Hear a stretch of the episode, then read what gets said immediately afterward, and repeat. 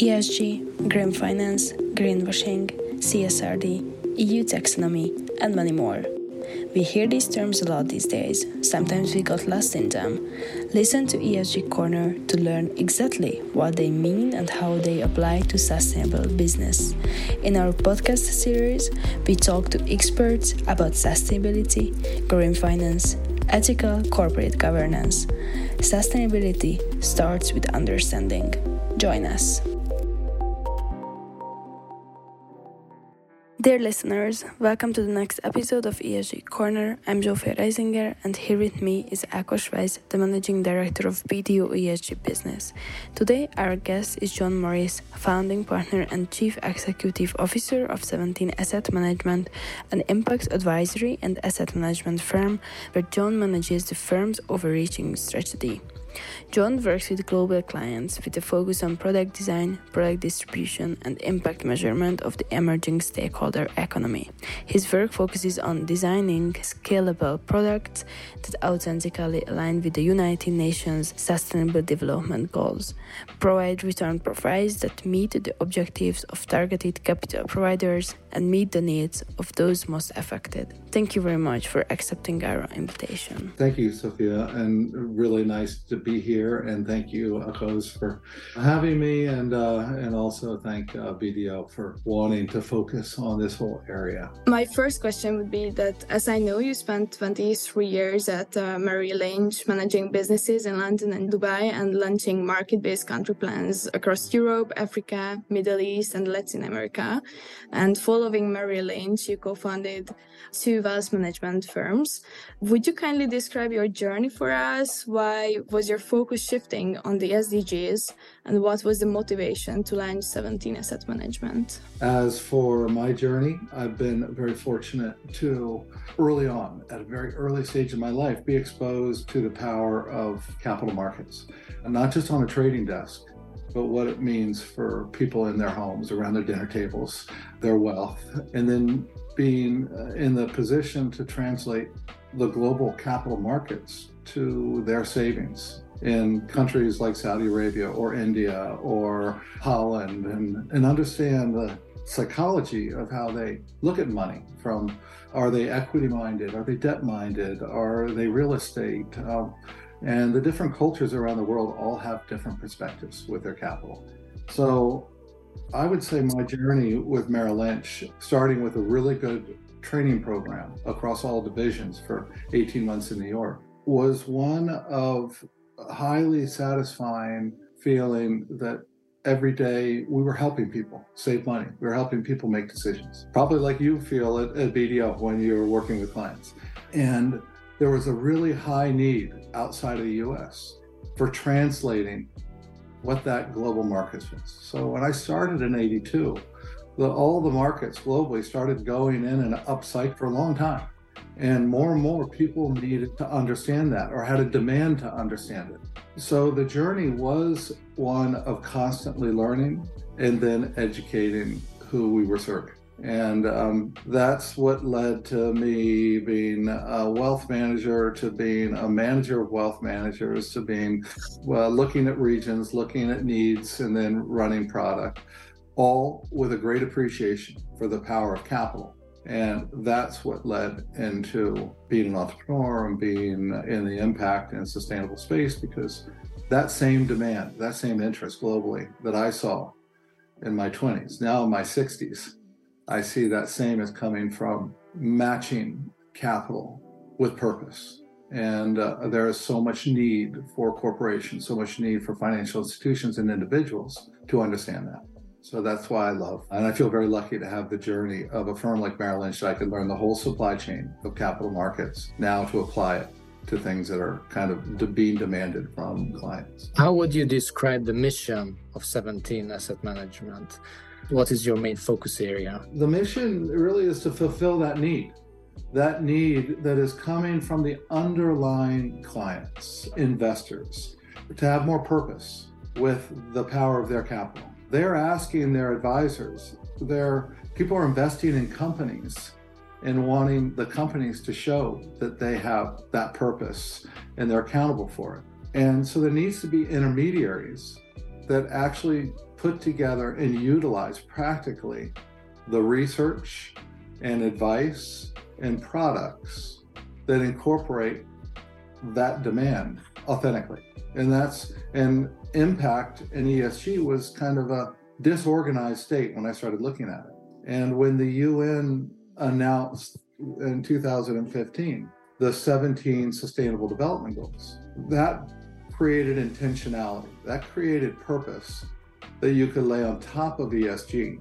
And then you kind of have a balanced scorecard. And so 17's desire and role is to be an intermediary to learn as we as the world is learning and quickly turn it around and uh, be part of what is going to be a new uh, a new type of capitalism you know uh, stay more stakeholder driven that's a great point and and i would be really interested in how you see the dynamics of uh, sustainable financing because it uh, had such a huge journey in the past couple of even if you only look at the past couple of years the recent past how do you see that development witnessing capital markets for the past three to four decades? And what what do you see ahead? Well the good thing is it wasn't just invented out of nowhere. People have invested responsibility responsibly from from as far back as man knows. And there's so many stories from either different religions or different types of investors that maybe stood up against more predatory investment. Often did not win in that battle, but was being uh, balanced in the desire to be more responsible, and be more of a steward with their investments, but also wanting the returns that investments can provide. So it's not new. What is new is more science being put around it. And also, what is new, I think, is you know people can now see the Earth from space and see that it's uh, just part of a much bigger universe, and that it may be perishable. And uh, I think the evolved human being understands that the world is not flat, and therefore we need to be stewards of of all that we do. And so, what are the ways that happens? In the company I work for, in the companies I invest in, in the people I manage, in the way I interact with clients or customers? And that started companies being more responsible 30 or 40 years ago with sustainability reports and corporate social responsibility reports. And that led you know global reporting initiative. And that was the early stages of science around it. And that led to FASB as a financial accounting standards turning to SASB. And then when a big wake up call on the global banking crisis in 2008 occurred, a number of people got together, major banks, JP Morgan and Rockefeller, and I'm being very US centric, but also around the world, and said, what is the better way? And then impact standards started to be created. So that has led to more science. And when you create more science, people start to debate it. And it's a very healthy debate. But what is leading the way is demand the demand for more aligned capital. It's not the measurement, it's not the debate over ESG, it's not regulations. It is the pension funds, the endowments, the family offices, the person on the street with their first $10,000 of savings that they want to put their money into things that they believe in. And they're asking their providers for more accountability. And everyone else is reacting to that. I think that's a very interesting concept because when we talk to some people, then we can listen to some of the doubts, or we can hear some of the doubts about uh, how capital can be generally sustainable because it's such a different concept, such a different mentality, much more shorter term uh, profit generation than what uh, sustainability, the way uh, the, the SDG goals or net zero goals uh, are set. What, what do you think about that? Well, if I had my money with someone over my whole lifetime, I would rather be Warren Buffett than any single one hedge fund manager from an investment standpoint. Now, there's someone who has taken long-term bets. Now, he, he hasn't been ESG, he's, you know, one of the either one or two most wealthiest people in the world. But he has taken long-term views of investments. if I am hoping and I'm a citizen of a country that I need to worry about my uh, security, I certainly hope that the sovereign wealth fund is taking more of a long term view than acting like a hedge fund manager because those long term returns are what's matter. So, what is long termism? It's matching up the returns versus the liabilities if needed. And most of the money is long term in nature. Pension funds, family offices all have real returns of requirements of over 10 to 20 years. Most products in Wall Street are created with a three to seven year perspective to get their returns. So are they really matching up our own humanity's assets and liabilities? Are they matching up? Are they making true climate investments or true food supply chain investments? Are they putting money behind the corporations that really can make a difference on long term returns? That's what ESG and impact measurement, and that's what good advice from BDO and, and Morgan Stanley to investors and, and all other advisors can provide. How to position yourself for those long term returns. And then what happens?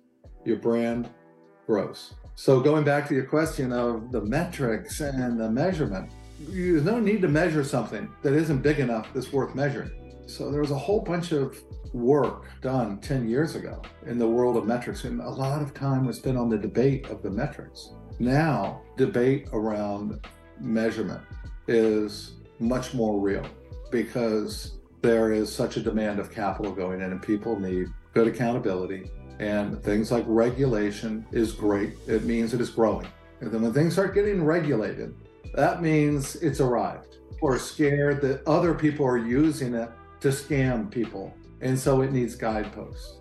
So I think that's a great, great sign of, of that happening, and Europe is leading the way. So a few months ago on your website, there was a series of articles. It was published, and um, the title was "ESG is not enough," and it's also highlighted the criticisms of ESG.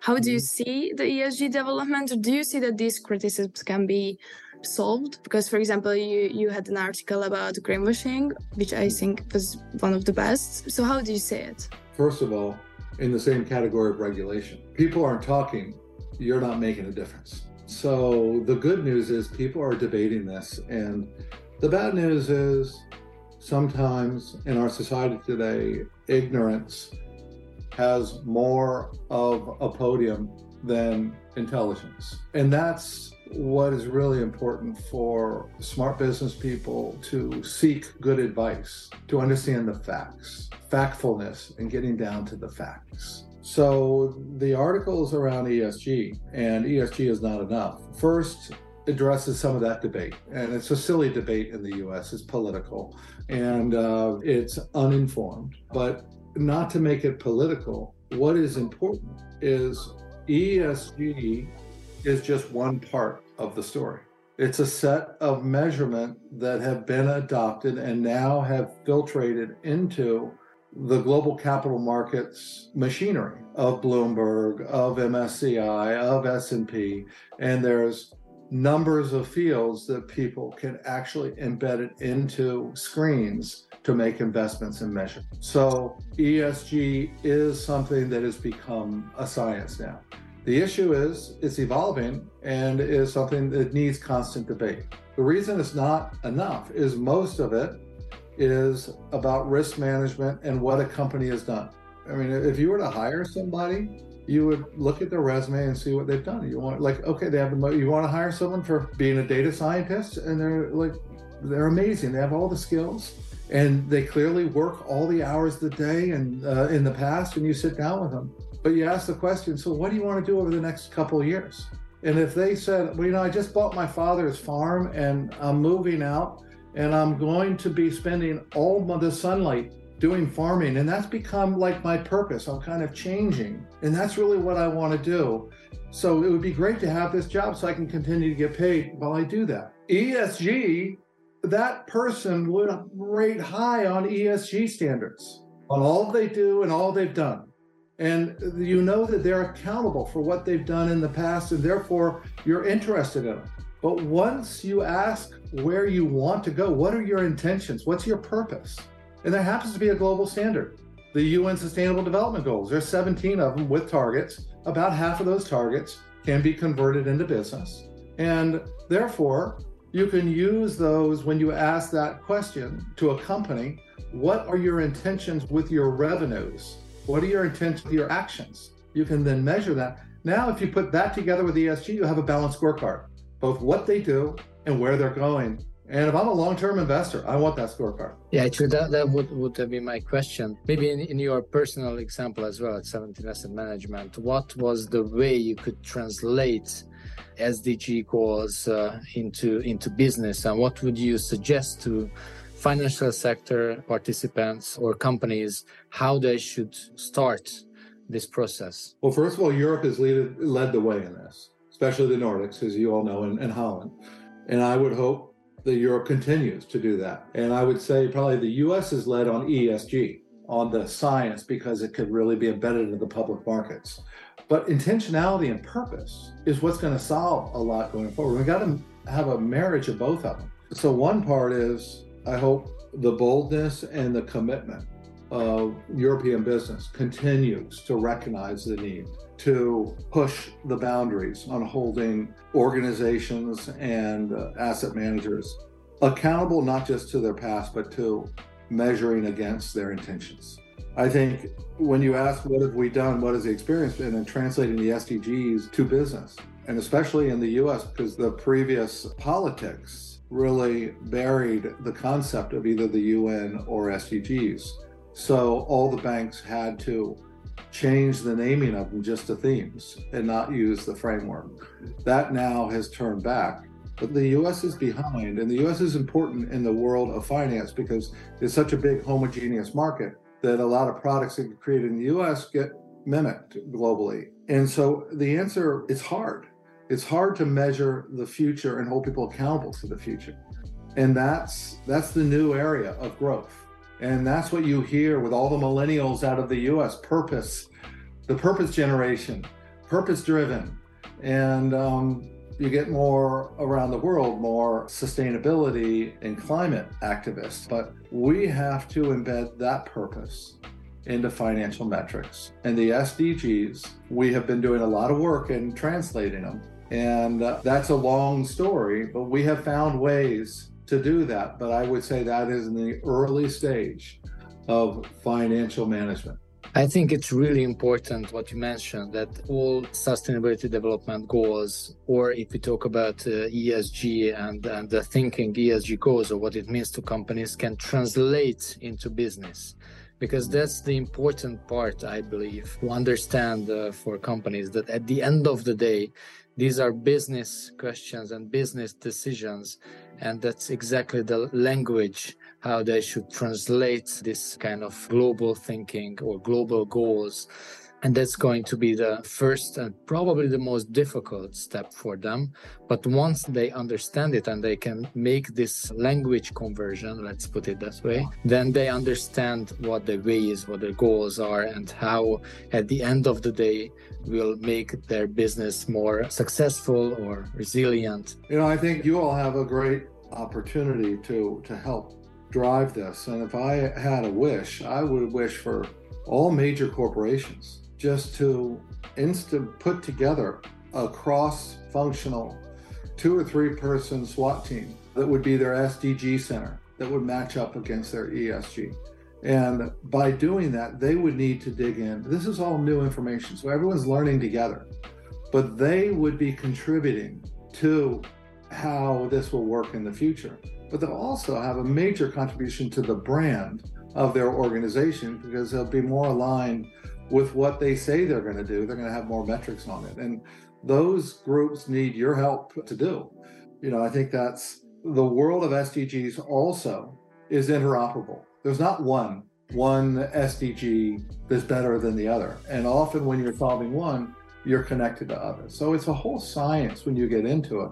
And I'll say one more thing about what it's not. We have helped a lot of funds, we've helped a lot of clients get themselves aligned. Well, we start with saying, what are the source of your revenues and the growth of your company? Which SDG will you shape the most by being successful with the operations of your company. That should be the major driver of the majority of how you self manage or you project. Then, what are the next is more of a secondary. By the business of your business and by the fact that you exist, what other SDGs are you secondarily helping? And then the third is what are the other additionality? It's probably 10%, I would give it.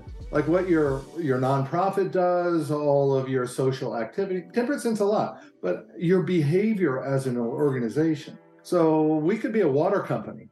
And therefore, by being a successful water company, we are going to drive SDG 6 in a substantial way. And that should be our key driver for investors. But we might be women owned or we might have all kinds of mechanisms for families and so forth. And we have a really high SDG 5 gender equality mechanism. In our nonprofit, we may give to um, more incubators of marginalized workers, and that's SDG 8. But our core business is SDG 6, but we're contributing. Then you got to look at the negative ones. Are we actually creating too much pollution and by what we're doing, and that we might have some negative hits in SDG 13 and climate action? All that gets incorporated into good scorecards for companies to run themselves well and be accountable to their purpose, and investors to look for good long term performing stewards in the returns they see. Also, as now you were talking about the metrics and measurements, you also has a research team, and with with the research team, you are making place based researches. There are some about intentional investments in different regions or SDG investments. How these research and reports can help sustainable finance? Well, we all live somewhere, and um, we all have our communities, and we all breathe the air and where we live. Uh, we all are influenced by the safety of the streets we walk on, and um, and have we lost strong enough opinions on what our actual environment should be like? When majority of people are living in cities and if we really want to create more sustainability and more efficiency shouldn't we get more involved than just letting you know the city government be uh, expected to make all the right decisions isn't it aren't there broader stakeholders aren't there the poor aren't there the rich aren't there the anchor institutions aren't there the transport? And what is the purpose of that location? Is it there to be a hub for business for many others, or is it there to be an export center, or is it there for various reasons? What is its strength that could be invested in? What is the reason people aren't investing in it? So, what are the negative SDGs? What are the SDGs that is problematic? And what are the SDGs that are opportunistic? if you bring all of those stakeholders together, then you actually use the investable SDGs as the opportunity, but you have screens that you're going to hold that investment accountable to solve the uninvestable. That location is going to rise society there. So we think, you know, uh, there's municipal bonds in the states, and and there's uh, all kinds of investments and public-private partnerships. But we think this evolution of purpose and also data and also uh, geospatial data that's available, we need to bring the private capital together with the public capital and invest into our spaces and give investors really good information in creating products that they can invest in Budapest and LA because there's a strategy there and they see the opportunity. So that's what place based, that's why we think change happens in places, not in the, you know, just in someone's head.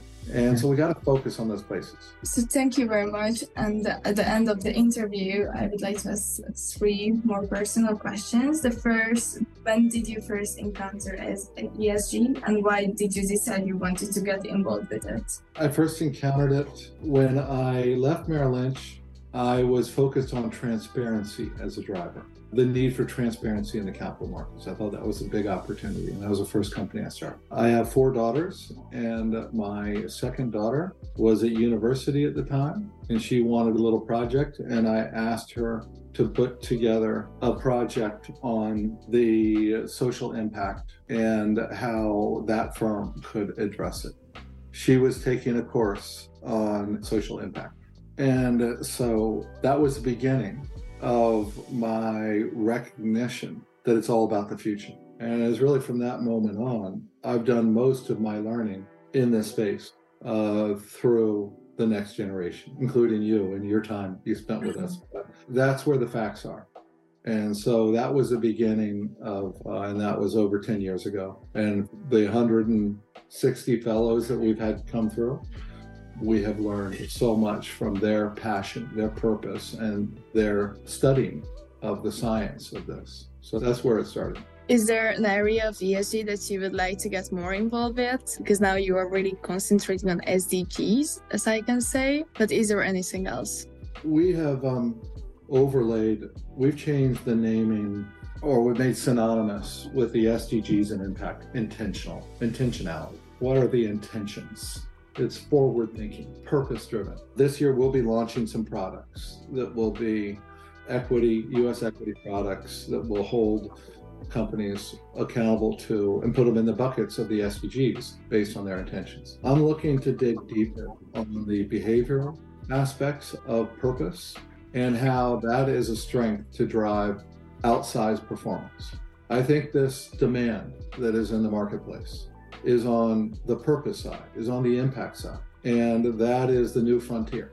And so that's what I want to learn. I want to pick up as much as I can. the other is place, changing places through new technologies and geospatial measurement. Sounds super interesting. Also, this behavioral part is for me like behavioral economics always was some attraction with it. So I think it's really interesting. And the last question would be what direction do you see ESG taking in the future? Do you have any ideas how to get it out to more people? It's getting itself out to more people. There is a group of people who are aware and they're multiplying in a rapid fashion. And those people are the number of people with ESG knowledge coming out of graduate schools around the world and or have done internships or have worked in their organizations and that little tiny group that's been given because they know the young people want to be involved. Those people are all becoming decision makers. Investors want this, so they don't have to evolve. When people present them with the ability, do you want to get the really better returns and make the world a better place? Or do you want to get better returns and make it a worse place? Which products do you want me to give? And I said, no, I I hate the world. I want a worse place. Could you find me coal? Because I, uh, if I can make the same amount of money as I can with solar energy, then I want to invest solar because I am so unhappy. Okay, but I don't think that's the majority of people. I think people want to get amazing returns, build amazing companies that have great brands and that are authentic, and make the world a better place. It's just how many people want to create businesses to be leaders in that. That's all we're trying to do, but it's going to happen whether whether we all exist or not. Thank you very much. Thank you. Thank you. This was the eighth episode of ESG Corner, and our guest today was John Morris. Thank you for listening.